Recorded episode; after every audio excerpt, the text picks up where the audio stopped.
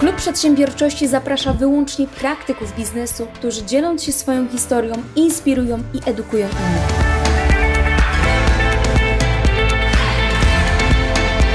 Od moich gości chcę dowiedzieć się, jakie działania, a także jaki sposób myślenia powoduje, że dotarli na sam szczyt w swojej dziedzinie. Nazywam się Olga Palka i zabieram Cię razem ze mną w świat biznesu, gdzie docieram do źródła ludzkiego sukcesu. Cześć, witam Cię serdecznie w kolejnym odcinku na kanale Klubu Przedsiębiorczości. Dziś gościmy w Łodzi. Jest ze mną mój gość Lech Kaniuk. Dzień dobry. Cześć Lech. E, Lech przede wszystkim jest przedsiębiorcą, jest osobą, która współtworzyła takie firmy jak Pizza Portal, z tego jesteś myślę najbardziej znany w Polsce. E, również miałeś swoje, swój epizod w filmie iTaxi. Tak. E, no i teraz najnowszy projekt, najnowsze można powiedzieć dziecko Sunroof. Tak. Ale dodatkowo jeszcze napisałeś książkę Siła Pędu mm, i jesteś aniołem biznesu, ponieważ też tutaj e, inwestujesz środki w startupy kolejne. I takie moje pierwsze pytanie do Ciebie a propos tego pędu. No bo ja z fizyki pamiętam, że pęd to jest masa razy prędkość. Tak. No to jaki jest Twój wzór, Lech Kaniuk, na, na ten pęd i czym on w ogóle jest? Dlaczego taki też tytuł książki? No, on właśnie, ta, ta, analogia e, jest e, taką analogią do tego, który zauważyłem, jak mi przynajmniej dobrze wychodziło w biznesie. E, I tu chodziło właśnie przede wszystkim o tym, żeby budować tą, tą siłę pędu poprzez prędkość. E, I w prędkości to mm, e, bardzo często chodzi o to, że jak my mamy jakiś pomysł i zaczynamy się zastanawiać nad tym pomysłem, to zastanawianie się y, nie buduje tej prędkości. Działanie produkuje tą prędkość. I ostatecznie nie ma aż tak duże znaczenie w jaki, czy jaką działalność robimy, czy co robimy, tylko że faktycznie coś robimy. Czyli nie zastanawiamy się za długo, nie piszemy biznesplany y, i tak dalej, tylko y, próbujemy działać. I to działanie może być, próbujemy sprzedać to, próbujemy pytać y, rynek, czy, czy to jest ciekawe, albo nawet może być tak, że decydujemy się na to, żeby zarejestrować naszą działalność i to też już jakby wprowadza nasz do pędu, bo działamy do przodu, nie zastanawiamy się. E, I i jakby z ilością tych aktywności, no to właśnie nabieramy ten, ten pęd. I później, y, im bardziej się właśnie rozpędzamy, to później nawet większe problemy nas nie potrafią tak e, zatrzymać jak na początku. Bo jak na początku spotkamy się z jakimś dużym problemem, to bardzo łatwo rezygnujemy z jakby dalszego, dalszej kontynuacji. A kiedy jesteśmy rozpędzeni, mamy dużo ludzi, na przykład na pokładzie i, i e, jest, jest tego bardzo dużo, dużo działamy, to nawet dość poważne problemy nas nie powstrzymają, tylko jedziemy dalej. E, co więcej, też zauważyłem, że nawet jeśli próbujemy jakiś pomysł i on e, ostatecznie e, nie jest sukcesem, ale, ale, ale działaliśmy, to my nabieramy bardzo dużo doświadczenia i to i tak może być coś, co nas jakby w takiej szerszej perspektywie e, i tak wprowadziło w pęd, że, że już zaczynamy kolejny biznes i już trochę lepiej nam idzie i coraz lepiej, coraz lepiej, aż, aż już po prostu nigdy już nikt nas nie powstrzyma. Taka, taki efekt kuli śnieżnej tak, y, tak. dostajemy. No ale powiedziałeś tutaj o biznesplanie. Czy w ogóle twoim zdaniem jest możliwe zaplanowanie biznesu? Moim zdaniem to oczywiście trzeba z jednej strony próbować zrozumieć, z czym idziemy na rynek i czy ten rynek faktycznie jest i jak do tego zacząć, ale y, w większości budżetów się nie sprawdzają, większości planów też się, się nie, nie sprawdza e, jeśli zaczynamy od początku, i, bo mamy dużo założeń, wydaje nam się, że wiemy, ale rynek zawsze weryfikuje. Co więcej, ten rynek tak szybko się zmienia, i e, oczywiście jakby pandemia pokazała, że w ogóle mogą stać się bardzo duże zmiany nagle, które kompletnie potrafią wszystko wywrócić do góry nogami. Ale nawet bez tego to i technologia się zmienia bardzo szybko, i konkurencja się zmienia na rynku, więc e, to otoczenie nasze zewnętrzne cały czas i tak, tak szybko się zmienia, więc e, zasady gry też się zmieniają i tym sposobem jest to bardzo trudne, żeby przewidywać daleko naprzód. Ja jestem zadowolony, kiedy budżet jest mniej więcej e, e, dobry przez pół roku, nawet jeśli mieliśmy his, historyczne dane, na których bazujemy, jak dalej budować ten budżet. Im dalej, no to tym po prostu trudniej i raczej się nie zgadzam. A teraz jak budujesz nowy biznes, chociażby właśnie y, no, nowy projekt Samrów, to na bazie tych Twoich doświadczeń, od czego Ty zaczynasz budowanie nowego biznesu? Czego się już nauczyłeś przez, przez tyle lat? Y, nauczyłem się, że bardzo dobry biznes i duży sukces tworzą ludzie. Nie jedna osoba, tylko zespół. I to, co zrobiłem z Sunroof, kiedy zdecydowaliśmy się z, z bratem, y, bo zainwestowałem w jego firmę, to trochę tak jak Elon Musk przejął kuzyna firmy, to tak ja mojego brata firmę. I kiedy zdecydowaliśmy się, żeby faktycznie zrobić coś bardzo dużego, y, to było przemodelowanie zarówno jakie osoby były zaangażowane w firmie, zatrudnione osoby, ale też zbudować nowy cały zespół e, co-founderów, wspólników, którzy faktycznie wezmą taki jakby nowy twór od, od, od nowa, e, żeby zbudować coś bardzo dużego. I poświęciłem chyba rok na to, żeby zebrać y, super zespół e, wspólników, którzy bardzo dobrze uzupełniają mnie i mojego brata w kompetencjach, doświadczeniach. I, i z takim zespołem ruszyliśmy na podbój świata. Super, ale y, ty w ogóle pokazujesz też nawet w swojej książce, że ty się po prostu nie boisz działać. Właśnie a propos te, te, tego pędu, że pomimo tego, że gdzieś tam jakieś porażki się pojawiają i to jest chyba taki chleb powszedni każdego przedsiębiorcy, ale w ogóle człowieka, że są te porażki, to ty pokazujesz, że trzeba, trzeba faktycznie działać. W całym tym procesie fotowoltaiki nie do końca na samym początku mówisz, że się nie znasz, czyli masz brata, który ma całe te know-how, a ty wiesz jak budować zespół. I teraz gdzie też szukasz tych ludzi do tego świetnego zespołu, o którym mówisz? Y, jedna rzecz, Oprócz która... brata. No, no tak. tak. Jego długo nie musiałem szukać.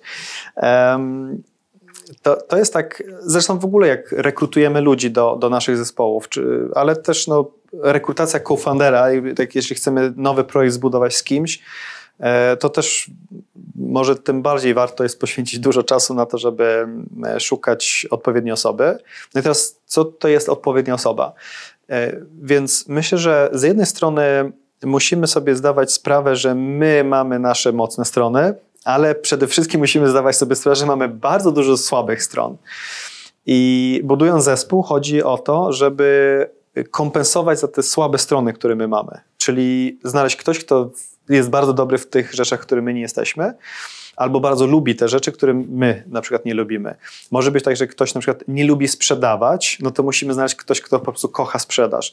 E, albo my kochamy sprzedaż, a nie lubimy administrację i, i, i tego typu rzeczy. Więc wtedy musimy uzupełniać swój, swój zespół e, ludźmi, którzy nas uzupełniają.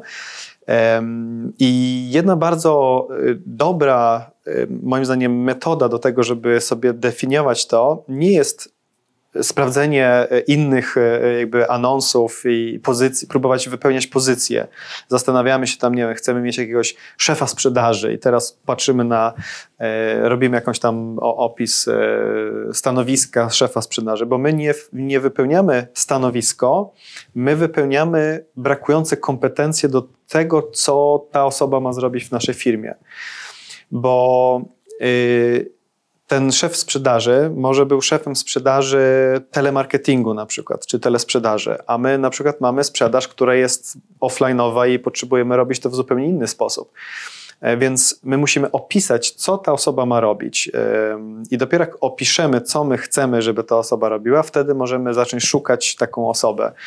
E, bo jak sobie zrobimy całą taką listę różnych e, punktów, właśnie czym się ta osoba ma zajmować, no to wtedy będzie nam dużo łatwiej później, e, chociażby w, w interwiu z tą osobą, zapytać, czy robiła takie rzeczy, czy w jaki sposób to realizowała. I my z naszym wyobrażeniem, co ma robić, e, słyszymy, jak ta osoba odpowiada, i, i też te, te interview z naszym, e, naszą osobą będzie dużo, dużo prostsza. Bo jak my chcemy wypełnić tylko jakieś stanowisko, no to nawet trudno jest stworzyć jakieś dobre, dobre pytania, które nam będą w jakiś sposób wartościowe. Jeśli szukam osoby, które tworzyły procesy w jakimś tam e, dziale, to, y, no to, no to y, opisuje, że chce znaleźć kogoś, kto tworzył takie procesy.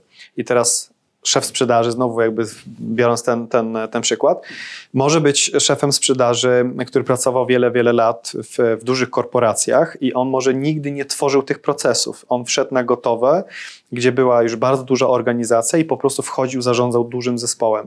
A może my potrzebujemy szefa sprzedaży, który zbuduje ten, ten, ten, ten team pierwszy, będzie to mniejszy team, będzie musiał dużo zrobić sam i też tworzyć te różne rzeczy. Więc więc y, opisuję, kogo szukam, co ma robić, i wtedy wiem, kogo mam szukać. I teraz y, jak? No to w sieci kontaktów jest na, najłatwiej, bo jest łatwiej też mieć jakieś punkty referencyjne. E, no ale jeśli tu nie ma nikogo, no to musimy dalej szukać. Mhm. Korzystasz też z poleceń? Tak, jak najbardziej. E, myślę, że, że Mm, polecenia są chyba bardzo ważne dla nas, żeby, żeby to. Yy, no są, są kluczowe, moim zdaniem, na, na, na początku. Yy, ale później może też być yy, nawet taki LinkedIn bardzo skuteczny, gdzie też można w pewien sposób zobaczyć, czy ta osoba jest aktywna, co, co robi, ile ma E, znajomych, jak i znajomych, to, to oczywiście to jest element takiego do, do, do zdecydowania, czy chcemy jakby podjąć ten pierwszy, e, pierwszy krok e, kontaktu, ale później zawsze rozmowa jest najważniejsza. Lech, kilkukrotnie w wywiadach pojawia się taka sylwetka jak Air Player. Mhm. Jakbyś mógł powiedzieć, kto to jest właśnie ta, taka, taka, taka postać? Kim jest ta postać? Mm, to jest postać, która jest bardzo dobra w tym, co robi i doskonale pasuje do naszej firmy w momencie, w którym nasza firma jest. Y, bo bardzo często się mówi o tym, żeby rekrutować topowych ludzi czy tych A-players. I i tutaj jest łatwo pomyśleć sobie, że dobra, to będę brał super drogich y, top executives z, z jakiegoś korporacji dużej, e, a wcale to nie musi być ta najlepsza osoba na nasze, jakby to, co my potrzebujemy e, dzisiaj. Z y, moich doświadczeń od budowania spółki od samego, samego początku do, do dość dojrzałego etapu, to my potrzebujemy na początku mieć bardzo dużo ludzi, którzy potrafią robić bardzo dużo różnych rzeczy, bo nie mamy na, na, na tyle jakby dużej, dużej jeszcze firmy, gdzie jest wystarczająco dużo danej jakby tam rzeczy, że możemy sobie pozwolić na zatrudnienie specjalisty. Więc musimy y, bardzo często na początku mieć trochę takich generalistów. Oczywiście jest jakiś kierunek, ale ta osoba nie może się bać robić wiele różnych innych rzeczy. Y, ale osoba, która jest generalistą, zazwyczaj nie jest super dobrym specjalistą. I im większa firma, tym większe jest zapotrzebowanie na, na bycie specjalistów w tych różnych jakby rzeczach, które firma musi wykonywać. I to specjalistów z marketingu i z księgowości, e, finansów, sprzedaży, z HR-u, ze, ze wszystkiego. E, więc ten, e, ten, ten A-player cały czas jakby ewoluuje zależnie od tego, co potrzebujemy, ale chodzi o to ogólnie, żeby znaleźć ludzi, którzy na dany moment e, są naprawdę bardzo, bardzo dobrzy. Zazwyczaj to się mówi o tym, i to, to zresztą też doświadczyłem wiele, wiele razy, że jak się rekrutuje tych A-players, bardzo, bardzo dobrych ludzi, to oni też przyciągają innych bardzo dobrych ludzi. Jak My zbudowaliśmy zespół co-founderów, który jest bardzo, bardzo mocny, z, e, z naprawdę fantastycznymi doświadczeniami. E, to, to my teraz na, na, na rynek niemiecki na przykład zrekrutowaliśmy e, szefa z Tesli, który jest naszym country managerem. I myślę, że te osoby też bardzo patrzą na to, z kim będą później współpracować. Teraz jeśli widzi, że będzie współpracował z, z zdolnymi, bardzo, bardzo dobrymi graczami, no to chce dołączyć do, do tej drużyny. Yy, bo i, i, to, i to ma też taką kulę śnieżną, że później jak masz dobrego szefa, no to on też dobrych ludzi będzie, będzie zatrudniał i tym sposobem jakby budujesz e, bardzo duży, bardzo, bardzo dobry zespół. A z kolei jak e, się pójdzie i zatrudni trochę słabszych osób, którzy nie mają tych talentów i umiejętności, to oni często mają taki problem, że nie chcą mieć zbyt dobrych ludzi na pokładzie, bo ci dobrzy będą ich wytykać, że nie są wystarczająco dobrzy i są zagrożeni po prostu. E, I dlatego oni wolą nawet gorszych od siebie rekrutować. E, I jest sytuacja taka, że możemy się znaleźć w tej sytuacji, że jeśli zaczniemy rekrutować zbyt dużo takich średnich osób, to oni będą dalej rekrutować, ale jeszcze gorszych osób może. E, albo będzie bardzo trudno, żeby rekrutować bardzo dobrych. Więc chodzi o to, żeby topowych ludzi zawsze próbować rekrutować. Czyli nie bać się przyjmować ludzi lepszych od siebie. To jest w ogóle najlepsze, co możemy zrobić.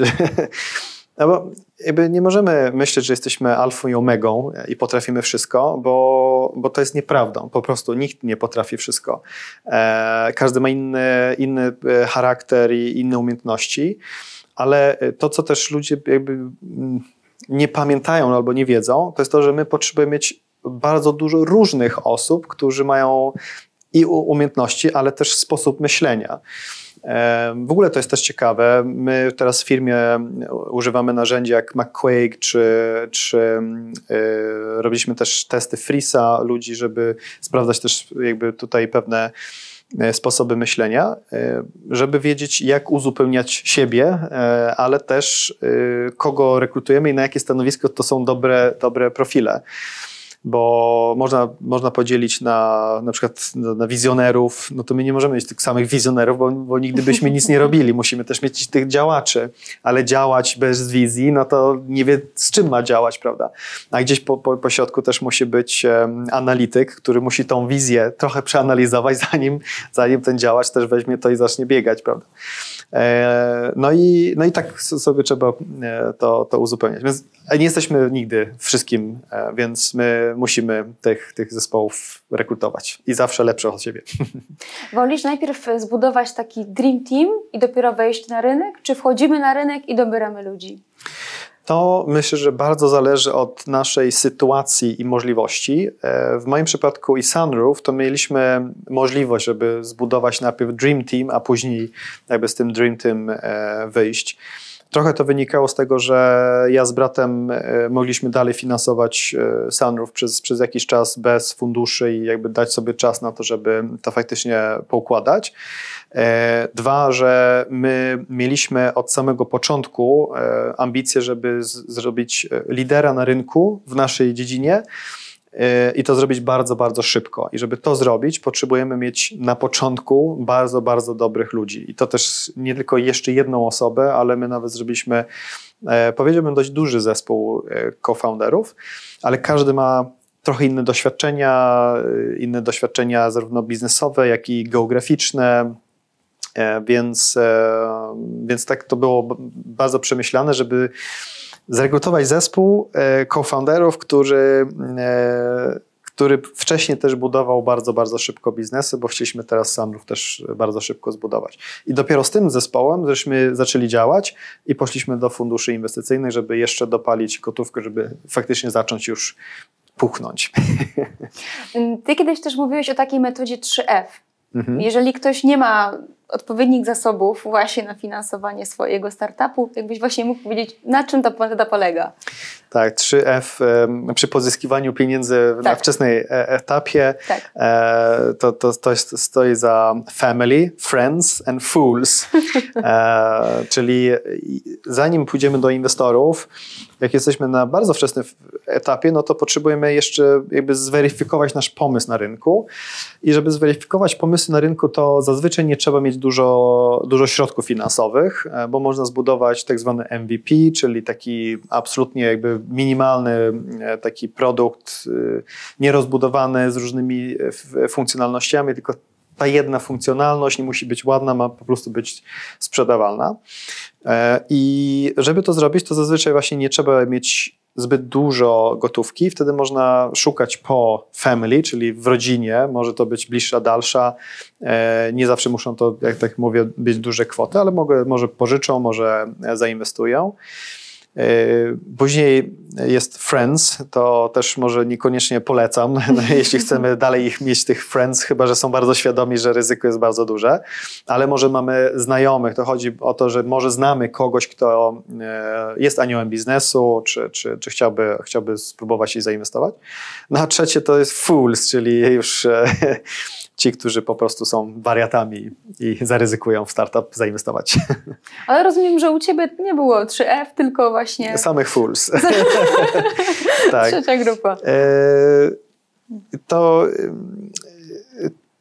po, powiedziałbym, że, że może w kategorii friends w pewnym sensie, y, dlatego że może to nie byli bliski, bliscy znajomi, ale znajomi przedsiębiorcy, którzy e, potrafią też dodać jakąś wartość, więc faktycznie do Sunroof dołączają e, kilka aniołów biznesu którzy e, właśnie inwestują, ale którzy dodają właśnie jakąś kompetencję czy coś, czego nam brakuje i chcemy dodać. E, więc, więc do, do, do tych friends też się poszło. Mm, ale jak dużo polskich przedsiębiorców e, najpierw zdobywa albo chce zdobyć rynek lokalny i bardzo boją się tego skalowania biznesu, bo twierdzą, że im się ten biznes wymknie spod kontroli, nie będą wiedzieli, co z nim dalej zrobić.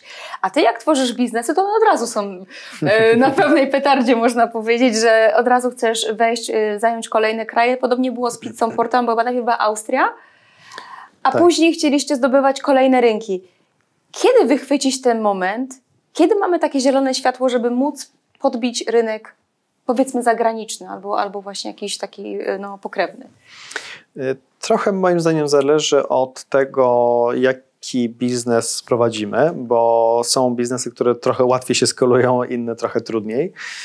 Y, I jakby na na samym początku biznesu myślę, że coś, co pomaga, to jest, żeby się skupić e, i by, skupić się i być bardzo skupiony nad e, jednym segmentem, jakimś, jakąś grupą czy jakąś kategorią naszych potencjalnych klientów. Bo często uważamy, że nasz produkt jest tak fantastyczny, że w ogóle każdy to chce kupować. To jest oczywiście też nieprawda. E, ale nawet, nawet jeśli mamy jakąś, jakąś y, bardzo szeroką wizję, kto by chciał mieć mój, ten produkt, to w, tej, y, w tej, tym całym wachlarzu różnych potencjalnych klientów, to zawsze można zidentyfikować jakąś bardzo wąską grupę.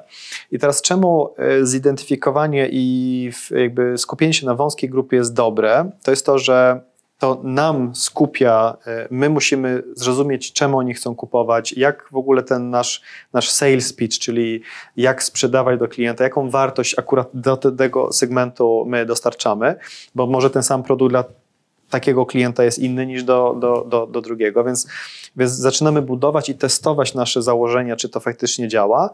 E, I chociażby z marketingu, jeśli robimy, nie wiem, Facebook Ads czy, czy Google AdWords, to też jest zazwyczaj dużo łatwiej, żeby targetować właśnie jakąś tam wąską grupę, niż strzelać bardzo szeroko.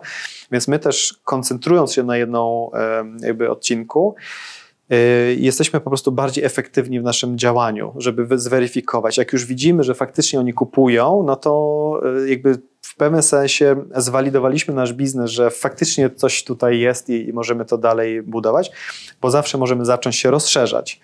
I teraz to, to skupienie może również być geograficzne. To może mieć bardzo duży sens. E, jeśli na przykład Pizza Portal, to jest tak, że jeśli ja miałbym jedną restaurację w Łodzi, jedną w Szczecinie, e, jedną w Suwałkach, jedną w Krakowie i powiem, że mam, nie wiem, pięć tych restauracji, no to klient w Warszawie powie, fajnie, że masz pięć restauracji, ale z żadnej zamówię. Ale jeśli miałbym pięć restauracji w centrum Warszawy, i zrobiłbym wtedy marketing, no to zrobiłbym marketing tylko w centrum Warszawy. I klient, który zobaczy tą reklamę, zobaczy, że mam pięć restauracji, ma wybór. Jest już znacznie dużo lepsze, lepsza usługa, bo w tym pierwszym przypadku, to żeby faktycznie zacząć cokolwiek konwertować, czy cokolwiek mieć jakąś sprzedaż, musiałbym zrobić marketing na prawie całą Polskę, prawda? Więc e, skupienie jest, jest e, istotne właśnie w, e, w takim kontekście, żeby się skupiać. Jeśli budujemy tego typu rzeczy, jak na przykład właśnie tak, taki, taki marketplace, jak właśnie Pizza Portal, no to wtedy z tych pięciu restauracji, jak zrobimy szóste, albo zrobimy pięć, ale na Pradze, pięć na Mokotowie, no to zaczynamy tą Warszawę tak roz, rozszerzać i, i coraz, coraz więcej, coraz lepszy mamy serwis. Jeśli to jest całkowicie Y, online'owe i ktokolwiek na świecie może to kupić, bo to jest jakieś narzędzie technologicznie, nie wiem, internetowe, nie wiem, do naszego sklepu internetowego, czy to, y, no to wtedy znowu mogę zawężyć tą grupę, ale może, mo, mogę się rozszerzyć geograficznie. Ale z tyłu w głowy myślę, że trzeba jednak myśleć o tym, że chcemy skalować międzynarodowo, jeśli to chcemy. I, i tu chyba Y, znowu powiedziałbym bardziej chyba, że ten zespół, który zbieramy, będzie istotny, czy on potrafi to y, robić szerzej niż Polska, y, niż to, że my się skupiamy na jakimś odcinku. Więc nie wiem, myśl, myślę, że to też jest kwestia tego, co my tak naprawdę chcemy z naszym biznesem, jak to, jak to zrobić.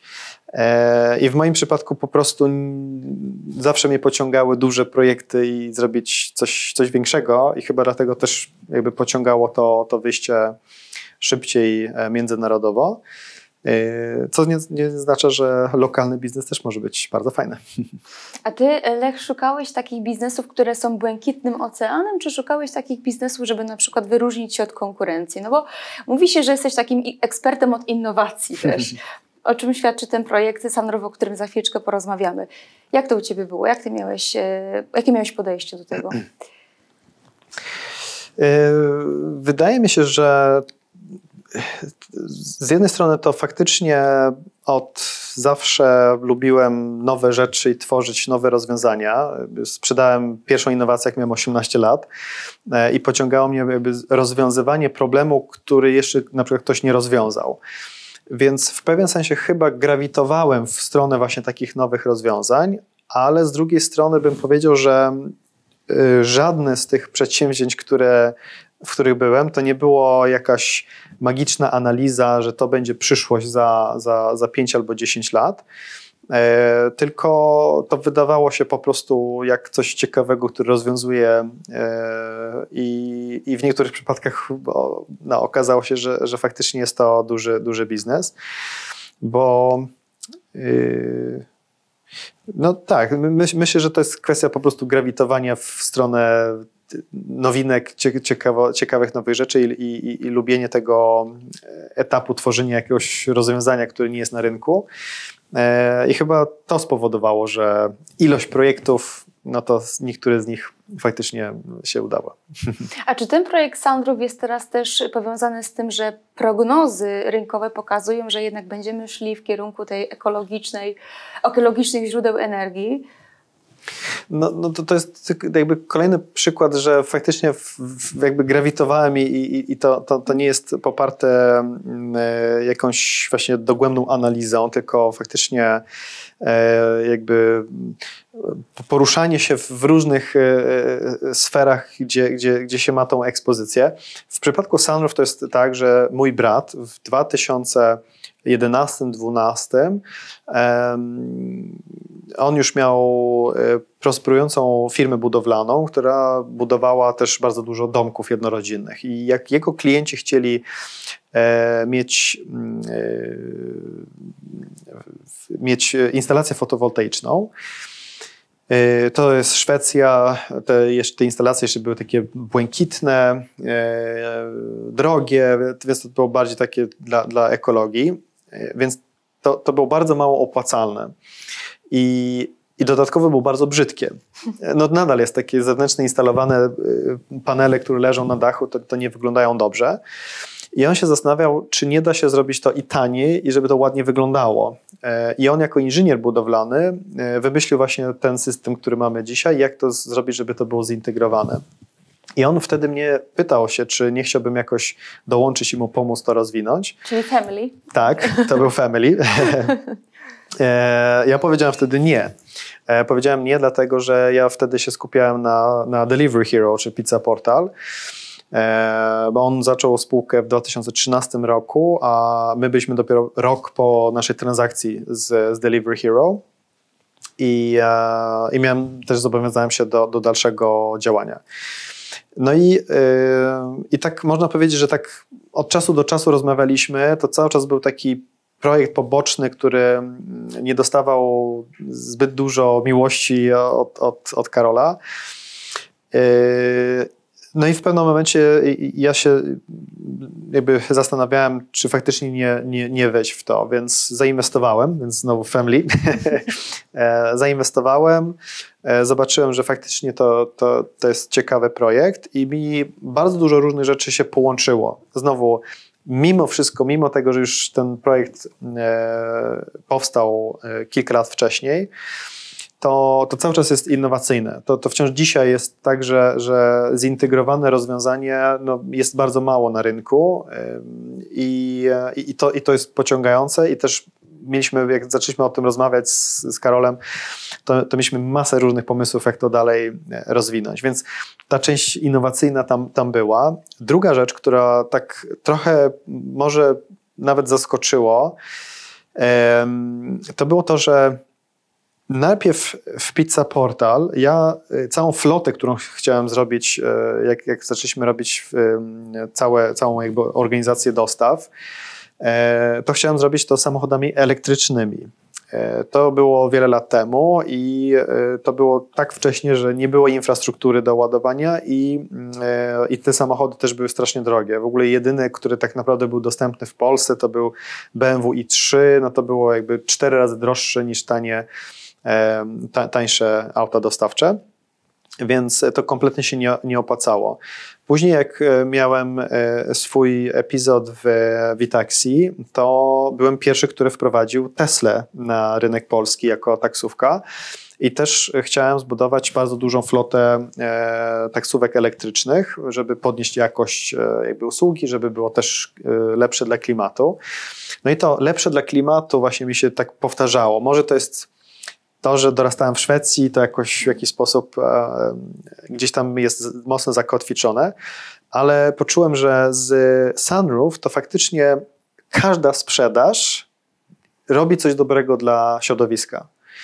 E, I jak coś dobrego dla środowiska przy każdej sprzedaży w połączeniu z czymś bardzo innowacyjnym i, e, i to, że no, dach chce każdy mieć prąd chce każdy mieć.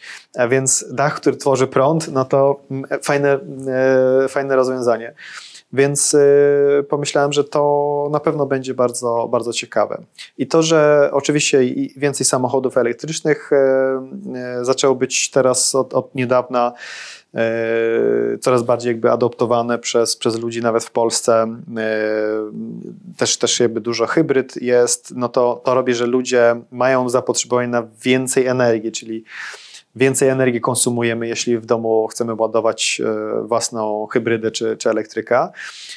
No i to w połączeniu do tego, że my dajemy dach, który produkuje więcej prądu niż dom potencjalnie potrzebuje, to się idealnie wpisuje w to, że jest właśnie ta dodatkowy prąd na te samochody elektryczne. E, no i, no i widać właśnie, że, że, że to, to idzie, idzie w tym kierunku bardzo szybko. E, świadomość, że nasz klimat trzeba ratować jest bardzo wysoki i to bardzo przyspieszyło w ostatnim czasie, co też robi, że coraz więcej ludzi właśnie chce, e, chce kupować. Zresztą w Szwecji bardzo ciekawy, ciekawa grupa nasza docelowa to są emeryci okazało się, że wiele emerytów mówi, że mnie prawie nie obchodzi, e, e, ile to będzie kosztowało i, e, i to, to, to, to zanim to się spłaci, to ja nie wiem, czy w ogóle będę żyć ale chcę dla wnuków, bo zniszczyliśmy tą planetę i teraz chcemy to od, odkupić swoje winy. Więc, więc, więc widać, że, że jest bardzo dużo różnych pobudek teraz gdzie, gdzie ludzie chcą to, chcą to kupować. Plus to, że jeszcze teraz wszystkie kraje praktycznie powiedziały już, że chcą być e, carbon neutral, czyli e, CO2 e, neutralni jakby zwalczać ten klimat. I to robi, że, że, że kraje zaczynały i Unia i tak dalej, żeby dużo pieniędzy pchać właśnie w rozwiązania innowacyjne, żeby wspierać to, to przejście na, na źródła odnawialne. I yy, prawda jest taka, że, że pandemia tylko przyspieszyła, bo pandemia jeszcze spowodowała tak, że wszystkie kraje muszą odbudowywać gospodarki i, i pchają bardzo dużo teraz pieniędzy, żeby odbudować ale skoro i tak pchają te, te, pieniądze i tak mają plan, żeby być carbon neutral, no to bardzo dużo tej, tej, tej, tych środków jest przeznaczone na to, żeby y, właśnie przyspieszyć jeszcze bardziej tą, tą, tą transformację na, na, na odnawialne źródła energii. No i to wszystko się składa do tego, że, że, że faktycznie jesteśmy w bardzo, bardzo ciekawym e, punkcie. No i e, dodatkowo jest tak, że dzisiaj wciąż jakby zewnętrznie montowane panele jakby dominuje, dlatego że jeszcze świadomość jest dosyć niska, że można mieć zintegrowane, ale nawet jak, jeśli wiemy, że jest zintegrowane, no to Tesla jest jakby pierwszym takim naszym konkurentem, który się pojawia e, ludziom w, e, w głowie. I i Tesla, czy, czy Sultech Energy, czy Svea Solar, jest, jest, jest kilka tych firm, które robią e, dachy, które mają tą fotowoltaikę zintegrowaną oni używają technologii albo mają produkty, które są wciąż drogie. One są wciąż dosyć kosztowne i to robi, że dach pięknie wygląda, ale jeśli będziemy patrzeć z punktu widzenia finansowego, to klientowi jeszcze się bardziej opłaca mimo wszystko, żeby zbudować dach i na to położyć panele. Oprócz w rozwiązaniu sunroof. My y, doszliśmy do takiego rozwiązania, który korzysta z tak małej ilości e, materiałów, że e, w Polsce jest taniej zbudować sunroof niż najpierw tani dach i na to położyć instalację fotowoltaiczną. E, I w takim momencie, no to zaczynamy mieć produkt, który nie tylko dobrze wygląda, ale też jest bardziej ekonomiczny. I to już też jest takim elementem, który zacznie przyspieszać e, jakby zainteresowanie, żeby kupować takie, e, takie, takie dachy. Co więcej, właśnie z tym redukcją tego CO2, to jeden sposób redukcji CO2 jest używanie mniej materiałów i dlatego też y, wiemy, że dużo krajów się zastanawia na tym, żeby nowe budownictwo e, też mocno stawiało właśnie na, na, na tak zwane building integrated, czyli te zintegrowane rozwiązania. E, no i znowu tutaj mamy e, najbardziej konkurencyjny produkt. No i to, to, to, to wszystko jakby biorąc tak do, do, do całości, jakoś tak te klocki się spasowały i, i się zgrały w czasie. No, nie wiem. Dokładnie, jeszcze przekonaliście a propos wejścia na inny rynek, weszliście do Polski, ponieważ nawiązaliście współpracę z, ze spółką Ekomazuria, tak. gdzie te dachy będą miały właśnie zastosowania. Jakbyś mógł trochę więcej o tej współpracy powiedzieć? No to jest bardzo, bardzo fajny e, projekt. E, właśnie to, to też widzimy, że coraz więcej takich projektów, które chcą pokazać, że można połączyć nowe budownictwo który ma też nowoczesny design, ale też są y, i y, ekologiczne, więc no i w takim malowniczym miejscu, gdzie, gdzie możemy zrobić właśnie nasze dachy na, na, na tych obiektach, no to bardzo się cieszymy, bo wtedy faktycznie to eko Mazuria się bardzo dobrze wpisuje. I no i tutaj mamy nadzieję, że właśnie te, te, te nasze dachy będą produkować prąd dla lokatorów. Świetnie.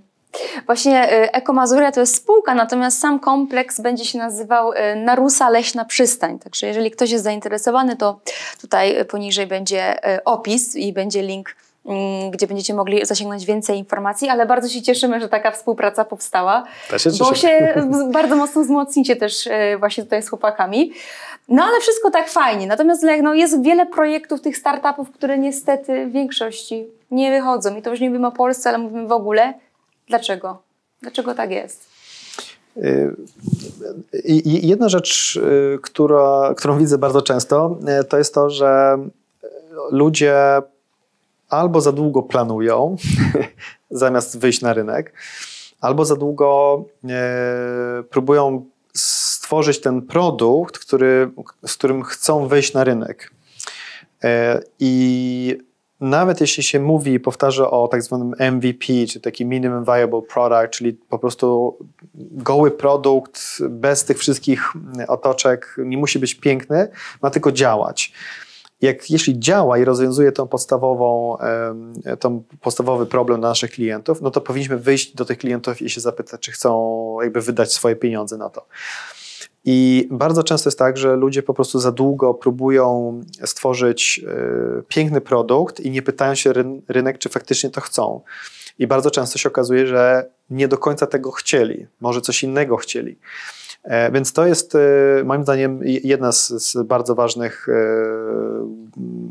rzeczy czy grzechów, które, które są, czyli za późno w ogóle wychodzimy na rynek, za dużo środków i, i czasu poświęcamy na to, żeby próbować dopieszczać naszą stronę i, i ofertę i prezentację i tak dalej, zamiast pójść na rynek i, i sprzedawać. Później może być też tak, że my przeliczamy się, czy nie doszacujemy de facto, ile faktycznie kosztuje, żeby to uruchomić. E, I brakuje nam po prostu środków, i, i, brak środków to jest to, co zabija każdą, każdą firmę. Musimy działać, musimy, musimy sprzedawać i nie czekajmy, żeby był perfekcyjny produkt. To, to są te rzeczy. A i teraz y, się, że y, trzeba też starać się też sprawdzać dwa parametry. I to w każdym biznesie, ale w startupie one są szalenie y, ważne na początku, żebyśmy faktycznie wiedzieli, jak to się, jak to się gra. Z jednej strony musimy y, oszacować, jaki jest koszt pozyskania klienta, a z drugiej strony, jaką ma wartość ten klient. Załóżmy, że jeśli klient ode mnie kupuje, to ja może zarobię na nim, załóżmy, nie wiem, 1000 zł. To mogę powiedzieć, że jeśli to jest, nie wiem, raz w roku kupi, czy raz jednorazowo, albo raz co trzy lata, powiedzmy, że w ciągu roku, czy w ciągu tam jakiegoś okresu nam zostawia 1000 zł. To nasz tak zwany lifetime value jest 1000. Jeśli teraz pozyskanie klienta jest, yy, kosztuje na przykład 100 zł, to oznacza, że jeśli 100 zł wkładam w marketing i pozyskanie tego klienta, dostaję 1000 e, od tego klienta, czyli e, mam 900 na czysto, żeby pokrywać jakby inne, inne rzeczy.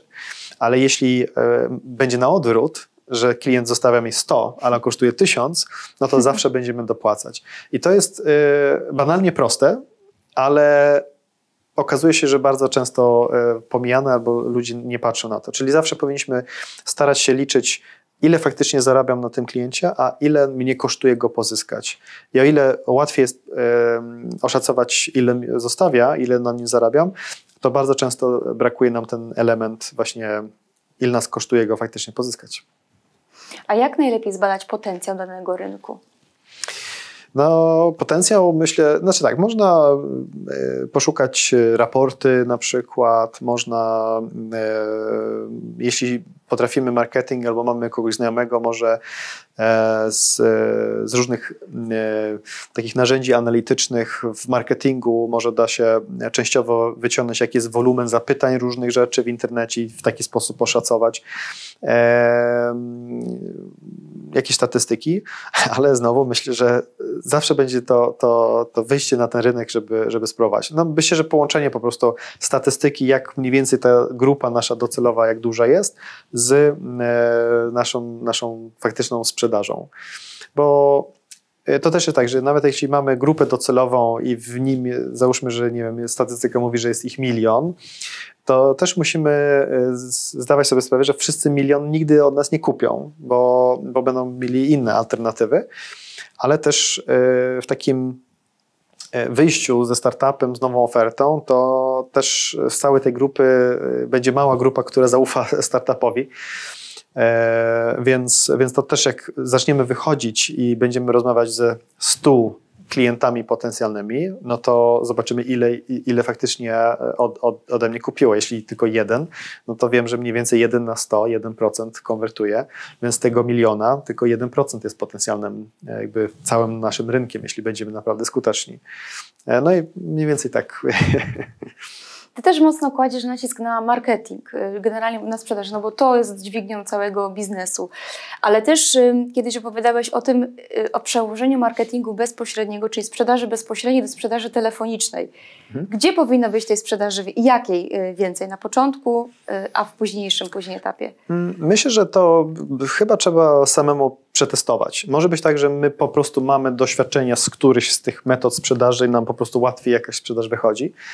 E, może ten produkt lepiej się sprzedaje w jakiejś formule. E, więc myślę, że, że warto jest sprzedawać.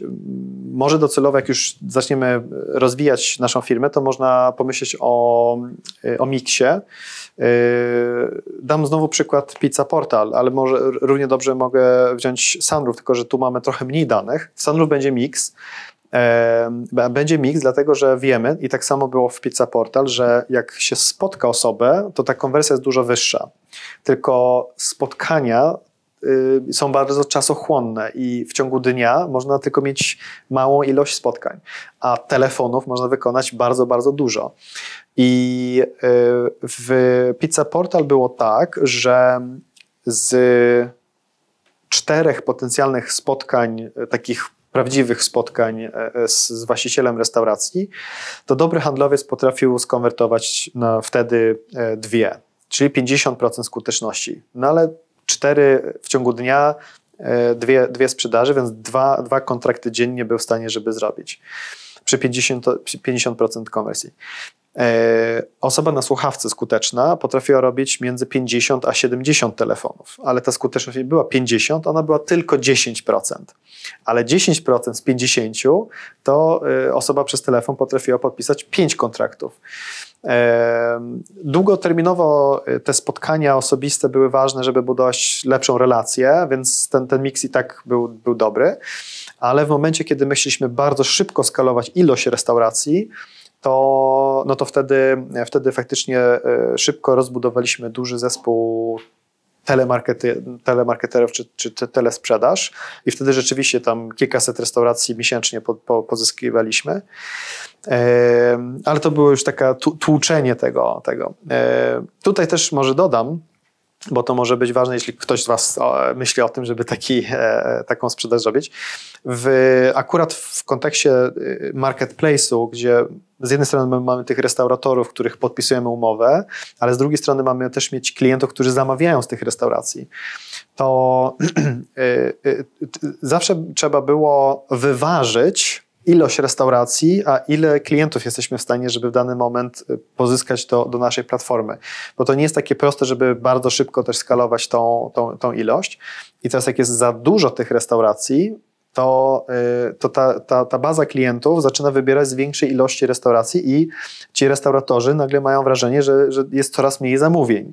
Tak samo było w taksówkach. Jeśli było za dużo tych taksówek, które byli, byli aktywni, to nawet jeśli my też zwiększyliśmy bazę klientów, to, to ta ilość taksówek rozwadniała te zamówienia i oni mieli wrażenie, że tu źle się dzieje, w ogóle nie ma zamówień, a problem był taki, że było szybciej skalowaliśmy ilość e, taksówek niż e, skalowaliśmy klientów, więc to też gdzieś tam trzeba wyważyć. Czyli trzeba znaleźć złoty środek, jak, tak. jak wszędzie, Próbować. nawet w życiu. Tak. E, Lech, bardzo praktyczne wskazówki, bardzo dziękuję. I tak na koniec takie pytanie, które zadaję wszystkim swoim gościom. Takie totalnie inne. Jak zaprogramować się na bogactwo i czym to bogactwo dla Ciebie jest? Oj.